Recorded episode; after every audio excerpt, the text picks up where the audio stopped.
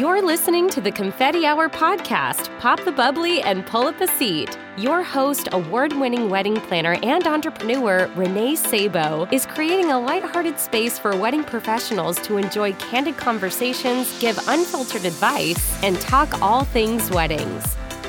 Confetti Hour Squad, I'm so excited to share that we are now on Patreon, and I am calling on you to help support our show with a small contribution of $3 per month or 75 cents per episode. Your support goes towards the professional maintenance of the show, allowing us to continue to bring on reputable wedding professionals weekly to share their incredible journeys and tangible tips to help professionals like you and me elevate our services. I hope you will consider this small contribution to help our show, and you can head on over to patreon.com slash the confetti hour to check out more details about becoming a patron. Welcome to this week's episode of the Confetti Hour podcast. As you know, I'm your host, Renee Sabo, and this week I'm excited to sit down with a fellow wedding and event planner and someone who I definitely look up to and I've loved following their journey throughout the industry. I'm sitting down with Emily Sullivan, the owner of Emily Sullivan Events. Emily Sullivan is the owner of Emily Sullivan Events, a boutique wedding and event planning firm based in New Orleans, Louisiana, that specializes in celebrations throughout the Southeast. With a passion for entertaining, she uses her intuition and attention to detail to customize each and every wedding experience for her clients. She is a sought after national speaker with recent and upcoming engagements, including the special event, NACE, Wedding Wire World, and Wedding MBA. Emily was the inaugural chapter president for WIPA New Orleans and now serves as the immediate past president. Emily has been recognized by several industry publications for her achievements and insight, including Brides, Country Living, The Knot, Southern Weddings, Style Me Pretty, and Catersource. You guys are going to hear all about Emily's journey. I'm so excited for you to get to know her, and she will also be chatting with us and giving her expertise on uncovering your ideal niche market. We will finish up with what she wishes other vendors knew, and of course, her confetti hour confession. All right, without further ado, please help me give a warm welcome to Emily. Hi, Emily. Welcome. Hi, Renee. Thanks for having me. Thank you so much for hopping on. I'm really excited to get to know you and to feature you on the podcast. Well, to get us started, um, I just want to hear all about you. Like, what what's led you to this like crazy career in events? I assume everyone in the event industry is crazy, so it's not uh, personal. right? Like you kind of have to be a little bit. I think. Yeah, I'm absolutely crazy. So like a little bit all over the place. Um, exactly. you know, I just sort of fell into event planning it, in wedding planning. Mm. It wasn't really like my plan. I'm not married. I didn't grow up planning my own wedding. I wasn't like obsessed with weddings. I just uh, have the southern gift of hospitality and i found that i love making people feel great um, and, mm-hmm. and, it just really showed in events and so following Hurricane Katrina, I, I was working for a cosmetics company doing hair and makeup for weddings. And I'm like, wait, I think I'm onto something here. And so I decided to try out doing some, some coordination jobs and see what happened. And then in a year, I was planning full service and it just was an automatic fit. So yeah very That's lucky. fun. Yeah, definitely. And so, and you're based out of New Orleans, right? I Do you? Yes. The, the celebrations down there must be so fun. Gosh, they really are. And and I have thought, to, you know, and I was just telling my mom this morning I've been invited to do a few destination weddings this year, and I'm like, I don't know if I want to do that. That's great though that you love the area you serve. You know? yeah, yeah. I love that. And so, with your company, I guess kind of walk us through what all you do. so, what's interesting about this topic is that it has taken me a number of years to kind of narrow down what I wanted my focus to be and, you know, what we're good at and kind of not mm. feel the need just be all over the place. In the beginning, you just want business. You're like, I'll do whatever, like bring it. Right. And in the past i would say 10 years i've just become very strategic about you know building it kind of the way i want it to be and doing the things that i want to do. And to be honest even more so this year during covid because it's really kind of opened up my life to what my schedule could be like. And so i've even yeah. taken that a step further this year. But so we early on became a specialist in destination New Orleans weddings, and that's still predominantly what we do. So we throw large celebration weddings for destination clients who are coming into the city for the weekend, and so planning multiple events for the weekend and just really kind of taking you know the the whole experience, and and that's what we really enjoy doing. Yeah, um, what we're really good at. We took it a step further in 2016 when we launched our intimates division where we still focus on pretty much destination clients but we started to say hey there's this place for intimates and so let's zone in a little bit more on that. So now our two primary focuses are intimate weddings and destination new orleans oh that's amazing. I love that. Full spectrum Yeah, truly. And I yeah, I mean I definitely imagine anyone getting married in New Orleans is uh, unless they're from there, it's it is a destination because I'm sure it's very sought after as a destination. There's so much to do and so such a great experience for guests. So it really takes the pressure off of clients to feel like you need to entertain the whole time. Like it's such right. a fun city that people want to come to anyway. Um, that you know it kind of lets you say okay i can do these events without having to feel the need to handhold them because there's so many things on their own list. Right, right. And, and I experience that a lot here in Boston too, because New England can be very, it's a weekend experience. You know, there's a lot to do here. So, uh, but if my clients had to, you know, tell everyone where to go and do all the time, I think it would be very overwhelming for them. So it's like a blessing and that they have you to help guide them on on kind of structuring that because like there is a lot that they can do. So there is, and just trying to be smart about it. You know, mm.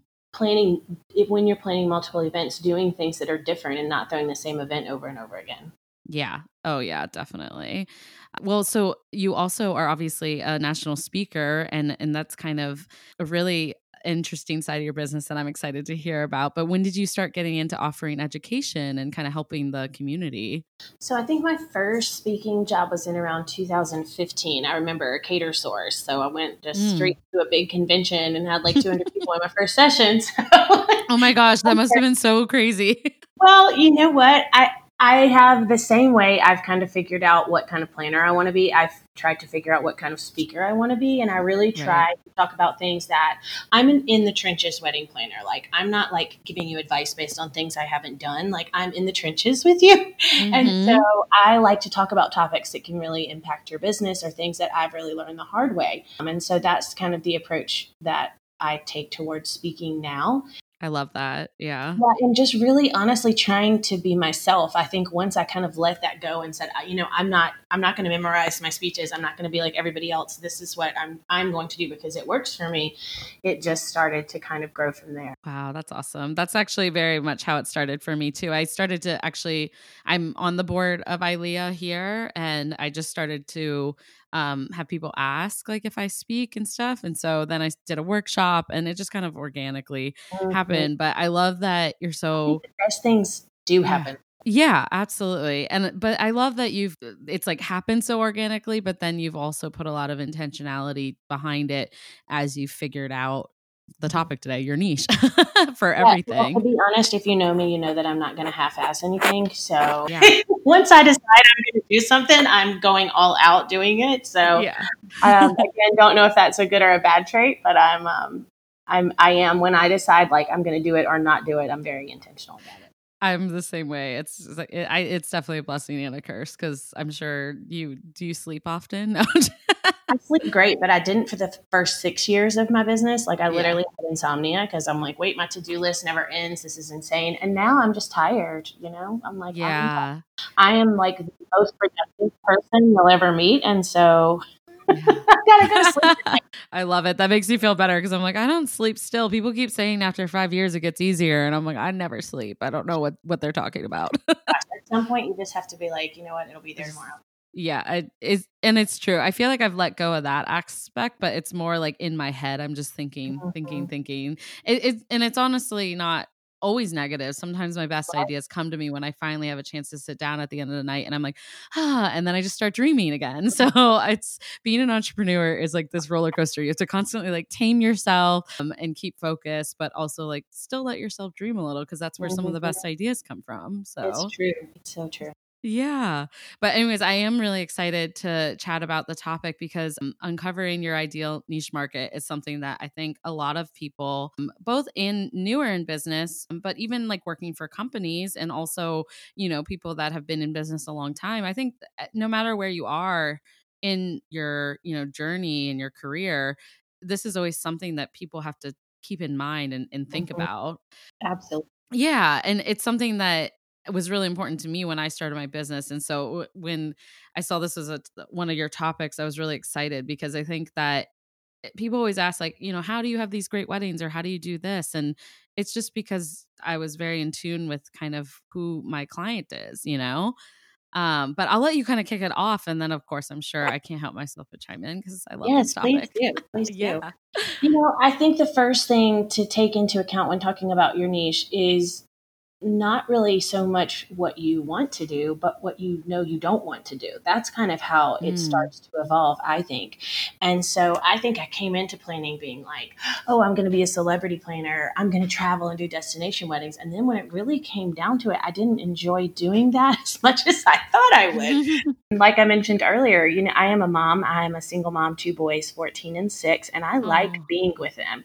Yeah. And so that I was like, oh, you know, traveling, not so much. So I'll do it maybe once a year or, or something like that. But I knew right away, nope, that's not what I want to do because I want to be with my boys. And then, you know, it just as you're doing things and you're kind of saying, is this a good fit? Do I like this? How is even celebrity weddings to me are like so taxing and not really that fun because people are insane. yeah, yeah. And I don't mean the client, I mean the other people. Yeah. Um, just like in, in, we we uh, the few times that we've done um, celebrity weddings and we're getting like massive crazy instagram messages from people being like well what are their favorite cakes? And do you know where i can sit? I mean it was just i'm like no i these people are ridiculous. I can't do this. Yeah yeah. um, so not that take that off. And then it just kind of started to go that way purely based on what it is that i enjoy doing. Right early on i thought i don't enjoy month of coordination and wedding uh, management. We still do wedding management in our office, but I don't personally do it anymore because it's just not something mm. that I feel like my time is so limited that it's right. important for me to kind of focus more on the things that I'm passionate about, if that makes sense. And so I looked at, you know, these are things I'm not enjoying, but these are things I am enjoying, and just kind of naturally started to go in that direction. And honestly, you know, the definition of niche is is an area of, of an industry and in in our industry, the event industry, that would suit your talents and your personality and to just allow you to specialize and to dig in a little bit more. And I think when you do that, it really sets you apart and helps your client find you and helps you know you're going to be a good fit with your client.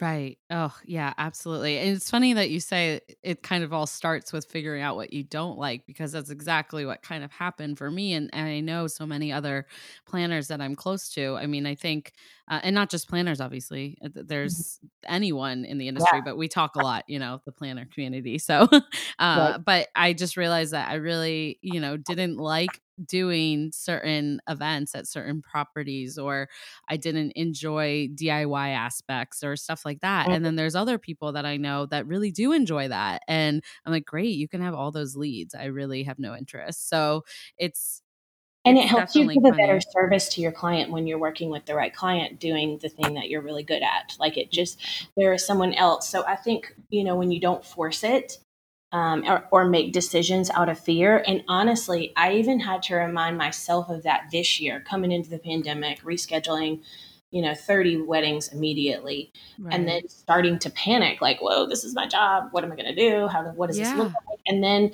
reminding myself that I don't make decisions out of fear. I don't go back on the things I've already decided and already put into place. I just have to follow the course. And I think that a lot of people did start making decisions out of fear and kind of forcing new things or pivoting in certain directions that weren't necessarily a good fit for them. And so I I think you know pandemic or not you make decisions you stick with them and and and see them through to a certain extent while also not being afraid to say whoop that didn't work to be i, I posted something on my mm. facebook this week. And I, am actually going to go see if I can find it right now because it was so good. Yeah. Just summing up how you really have to be flexible as an entrepreneur. You know, Th- yeah. this was my memory from 2011, and I shared it again. And it said, if you want to succeed, then double your failure rate. And I'm wow. like, oh, that's so good because sometimes we do make decisions and we go for things and it doesn't work out and then we feel stuck in it. Mm. But that's not what it's supposed to look like. It's you're supposed to say, okay, it didn't work out. I'm moving on. You know, I'm trying something else and I'll either fail again or I'll find something that's the right.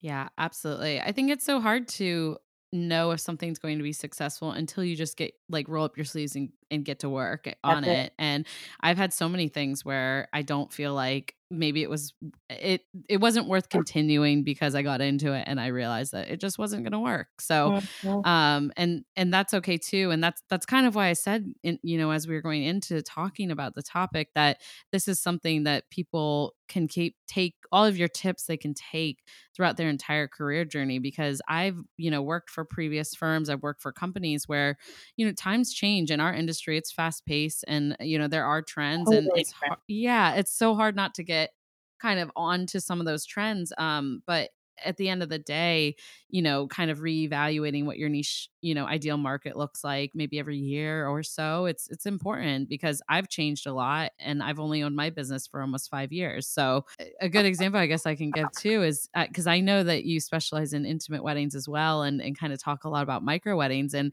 uh, for me, I felt so much pressure when all this started happening with the pandemic to uh, take on micro weddings to offer services for that and I'm just such a full service planner that I it wasn't matching up with the I guess the budget and the hours, I guess you could say.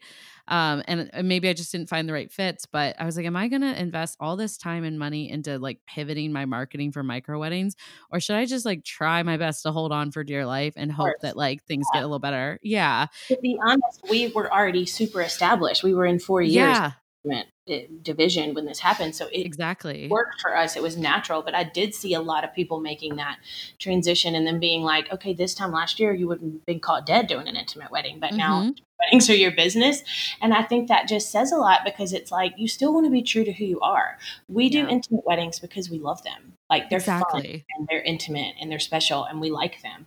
And, and, maybe that's true for a lot of other people, but I just I think you kind exactly. of have to stay true to your vision a certain yeah extent. and it's a struggle in the industry like with competition because i see so many people of my competitors that i look up to i'm like oh crap should i be doing that and it's hard watching the weekends go by and i don't have any weddings right now but I've also had the space and the ability to book new full service clients that mm-hmm. I otherwise would have been out of capacity with like dealing with, you know, mm-hmm. other smaller events. So for me, it's just a better fit. But I was very much swayed. Yeah. It was a hard decision. Yeah. I, I, and we all felt pressure to react quickly and to make decisions. Yeah. But finding your niche and figuring out where you fit in will really cut back on your competition eventually. Like you, yeah be worried as much about what they're doing because you know what you're doing and you're so specialized in what you're doing that doesn't matter what everybody else is doing. So you yeah. will the more you narrow down what it is that you're doing in your niche and what you're good at, the less competition you'll have because other people will be doing that for themselves. Exactly. And I know, I mean, you're, you're you have so many great like insight and tips on this, but kind of um excited to hear how because obviously every market is different i guess i could start with that. And so like how how do you suggest somebody figure out what is even available i guess in their areas? Because that's something i also see a lot is that maybe this is an ideal client but is that even available like in your area you know? Well i think so. you know there, there's kind of a process to defining your niche and figuring it out and the first mm. question i think we already partly covered but it's what do you do best? That automatically right is going to help you figure out the direction you need to go rather than you know being a jack of all trades what do you do best? What are you good at? What are the people that work for you good at? Um, and answering that question Number two, which we've already discussed, what do you enjoy the most? I mean, I do a talk on boundaries too because I had like a meltdown in 2010 where I was like, I don't think I can do this job anymore. Like, this is horrible. Yeah. And since then, just kind of figuring out that yes, this is my job, but it does not define me as a person. I still have other things I'm interested in doing and a life outside of it. And so, you know, what do you enjoy? What do you want to do? And, and what does your life look like? What type of client do you like working with the most? For me, I love working with destination out of town clients. When I have local clients and they want me to like hand hold them through like things I'm not used to doing in person, I really like doing this. Like, I don't want to shop for your bridesmaid dresses. That's not who I am. And I know that about myself and I can say it and it doesn't make me a bad person. Yeah. There, my confession happened early. Like, yeah, there you go. Dress. Um, I love it. But you know, because they're destination clients and I have a very fine-tuned system in the way I work with them and talk to them, I love that client. I my client is most of the time a professional woman. She knows what she likes. She's like wants me to do it for her. Yeah. And so I don't do well with being micromanaged. So I look for those, you know, sorts of things up front. Yeah. Um, ultimately, we are business people, and if you're not in it to make money, then I don't think you're going to be successful at all. But you know, yeah. one of the questions we have to ask is, okay, we like this, we enjoy it. What client do we like working with? But what is profitable? What, Right. what do we make money doing? And that's really even intimate weddings. How we started doing that for years. I had turned it away, thinking like, "There's no way they can't afford me, and I'm not working for free," and blah blah blah. So then Yeah. the question became, we're getting asked to do this. We like doing this. How do we make it profitable? And that's what we started to really fine tune, you know, four years ago Yeah. to make it work. And then, and then the last question is your is the client that you like in your market? Mm. She may not be, he may not be, and so you may not be able to physically be, you know, Yeah. productive or successful if you set yourself up for something that really is not obtainable in your own market. And I would give you an example of like, so I go, I lived in New Orleans for 16 years. Now I go back and forth between Mississippi and New Orleans, where I'm originally from. Mm. And, you know, a niche might be like a vegan wedding or vegetarian. If you tried to pull that in the South, we are not about it. So I look nationwide and I'm like, oh wow, there's these vegan caterers and that's so amazing and so custom. So like looks delicious. But Southern people are not going to go for vegan weddings. Yeah, so that's like not what you're your known for. client's not here. so, we put butter in everything. Like it's just not going to happen. Yeah, I mean, like I was telling Emily before I hopped on here, I get a lot of like the coastal, you know, people love that quintessential New England feel, and it would be unrealistic for me to think that that's not what a lot of my market is, you know? Mm, Reality Yeah. check, you know? right. And I, I think, you know, once you kind of ask these questions, and, and to, to be fair, it's not something we can answer for you. It's something that you kind of have to dive into in your own business and ask yourself these questions. And honestly, I tell people all the time, like, we are people when they're referring to us call us creatives. Like, you're in a creative Mhm. industry and you're creative. And so, how I'm my most creative is by not paying attention to what everybody else is doing, honestly Right. it kind of like fogs me a little bit when I get too into like what's trendy or what people are doing locally or nationally. Yeah. And it prevents me from having my best ideas or being my most creative and coming up with things because I feel literally foggy from it. I don't know any other way to explain it. Oh, Um, I agree completely. It's sometimes I mean, I I am all for, you know, community versus competi like over Right, competition, right. but sometimes you have to protect yourself and your creative your creativity because sometimes it's hard not to let that fog you. I like that word, fog. Mm-hmm, right? Yeah. Yeah, I'm going with that from now on because that's Yeah, I love that. I, like.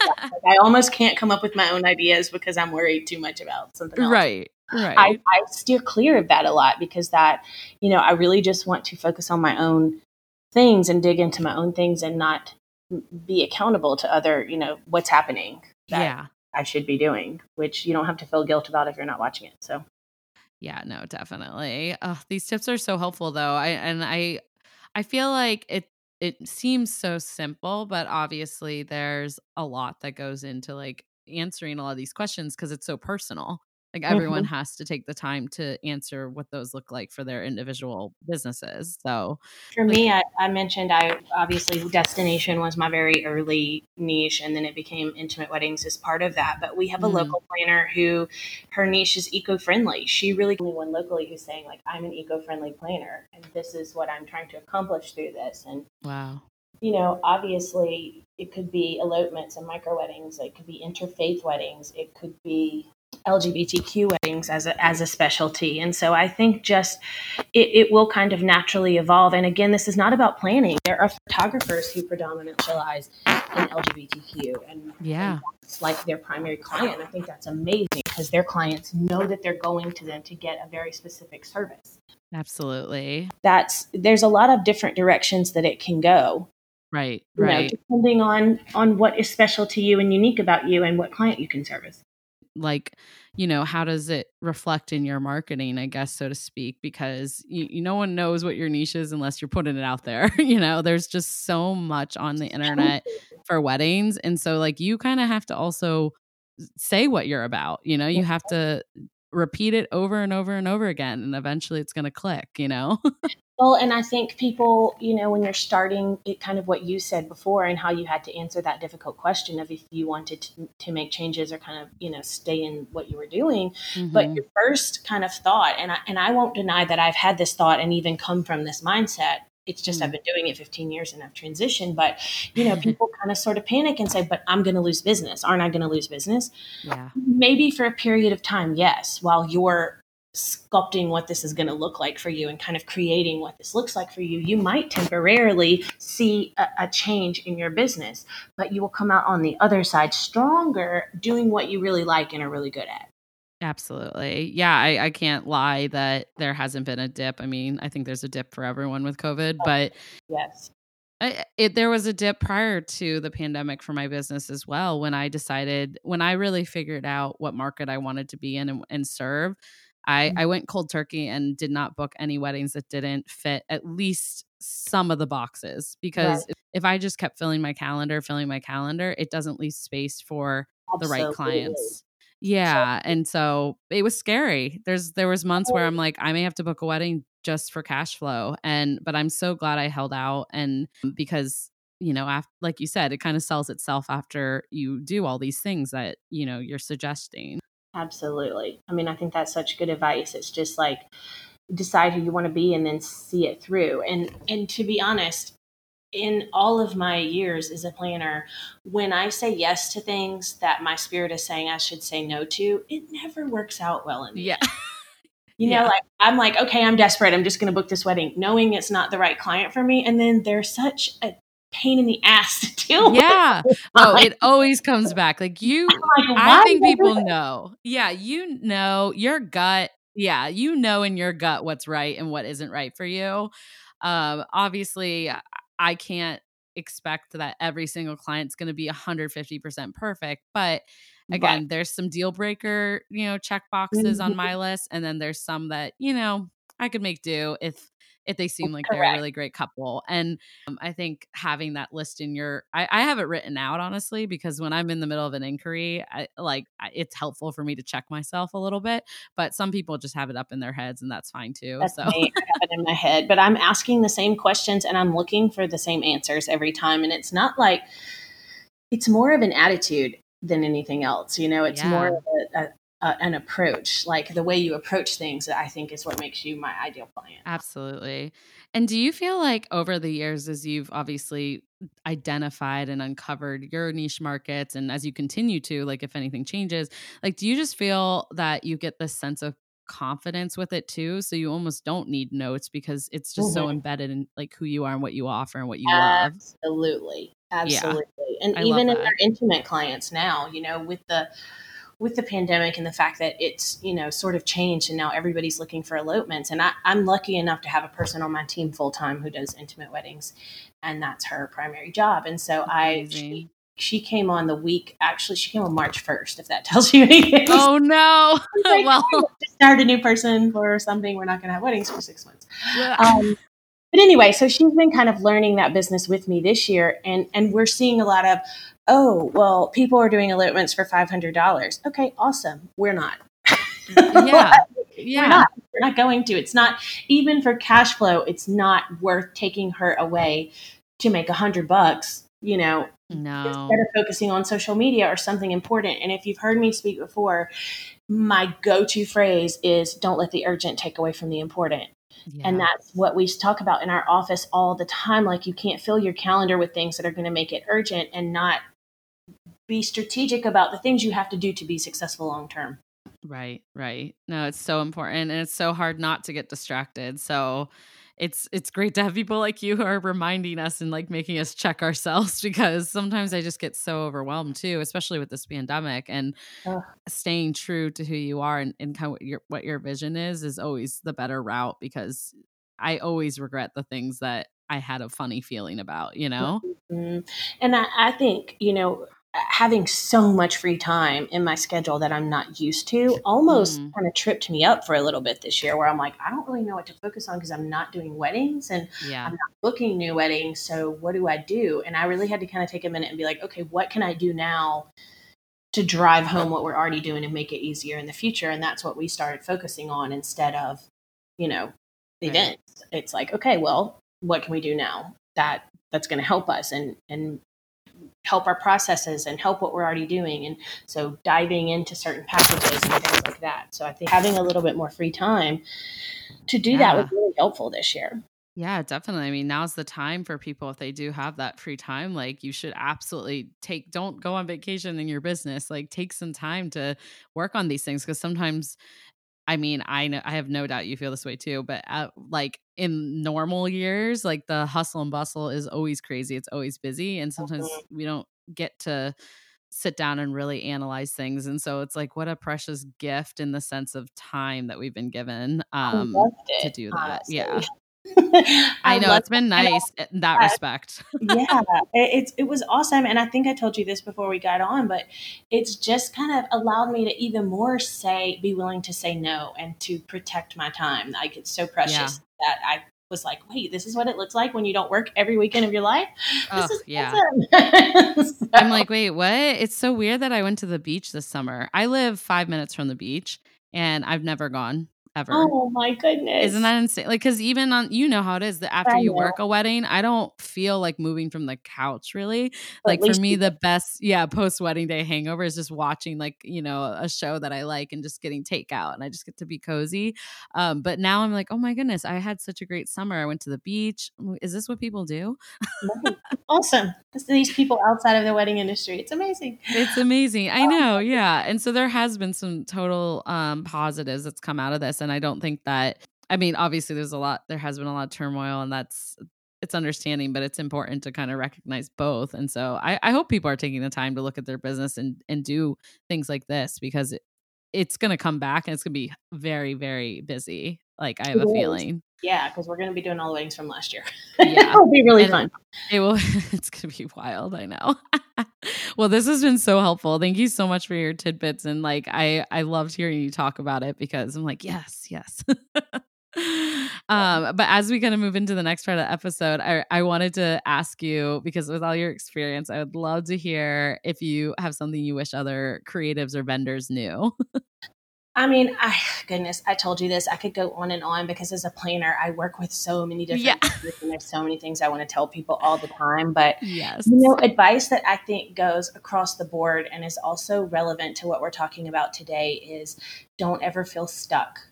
Mm. Um, it's never too late to rebrand, to refocus, to uncover your niche. And I think when you stay in something that's not working, I mean, it can come across almost being like, wow, she's so wishy washy, but it's not like that at all. It's just yeah. having the ability to say, this didn't work and I'm trying something new. And then, whoa, that worked. Or, oh, that didn't work either. And I'm starting over again. But yeah. that's good entrepreneurs don't get stuck and and and stay where they are, whether it's in something that's not working or whether it's in old fashioned ideas or, you know, yeah, not being able to change with the market when it's changing. I love that. That's a that's a great what US shutters do. I, I'm constantly saying to people that the most like important tool they can have as like a business owner or even as a professional in the industry, you know, not just working for yourself, but for working for other companies is just kind of be like self-aware of what is yeah like what what you're bringing to the table and like where you could improve and like don't get sna- stagnant like maybe you are happy where you're at but are you like, making money? I mean yeah like you need to be able to see all these different um avenues and not kind of only live in the highs of it you know because Correct it's so degrading and like upsetting when you get to the end of working super hard say like a super hard year and then you realize that you a you've made no money or b it it didn't really fulfill you and yeah like self-awareness i'm super big on so. I, I, really think that's the best advice and and i think also along with that and and you probably gathered this a little bit from our conversation today but my next advice is to be authentic Mm, I think that is so important in the creative world and particularly in our industry and really in business in general. I know that clients come to work with me because of me. I mean, and I don't mean that in an arrogant way. I know that No, I'm a good fit for clients and that's why they come to work for me. And the only way I can attract those clients is by being myself and Yeah. being authentic and being who I am and not following, you know, the trend necessarily.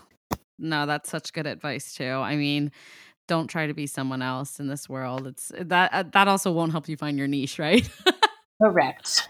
yeah, yeah. Oh, these are so good. I love it. well, I also want to ask you if you possibly uh, have a confetti hour confession for us. Well, I think I just told you one of them, which is you did earlier, yeah. shop for your bridesmaids dresses. Let me think. Gosh, there's so many, and some I'm afraid to tell. Okay, I'll tell this one.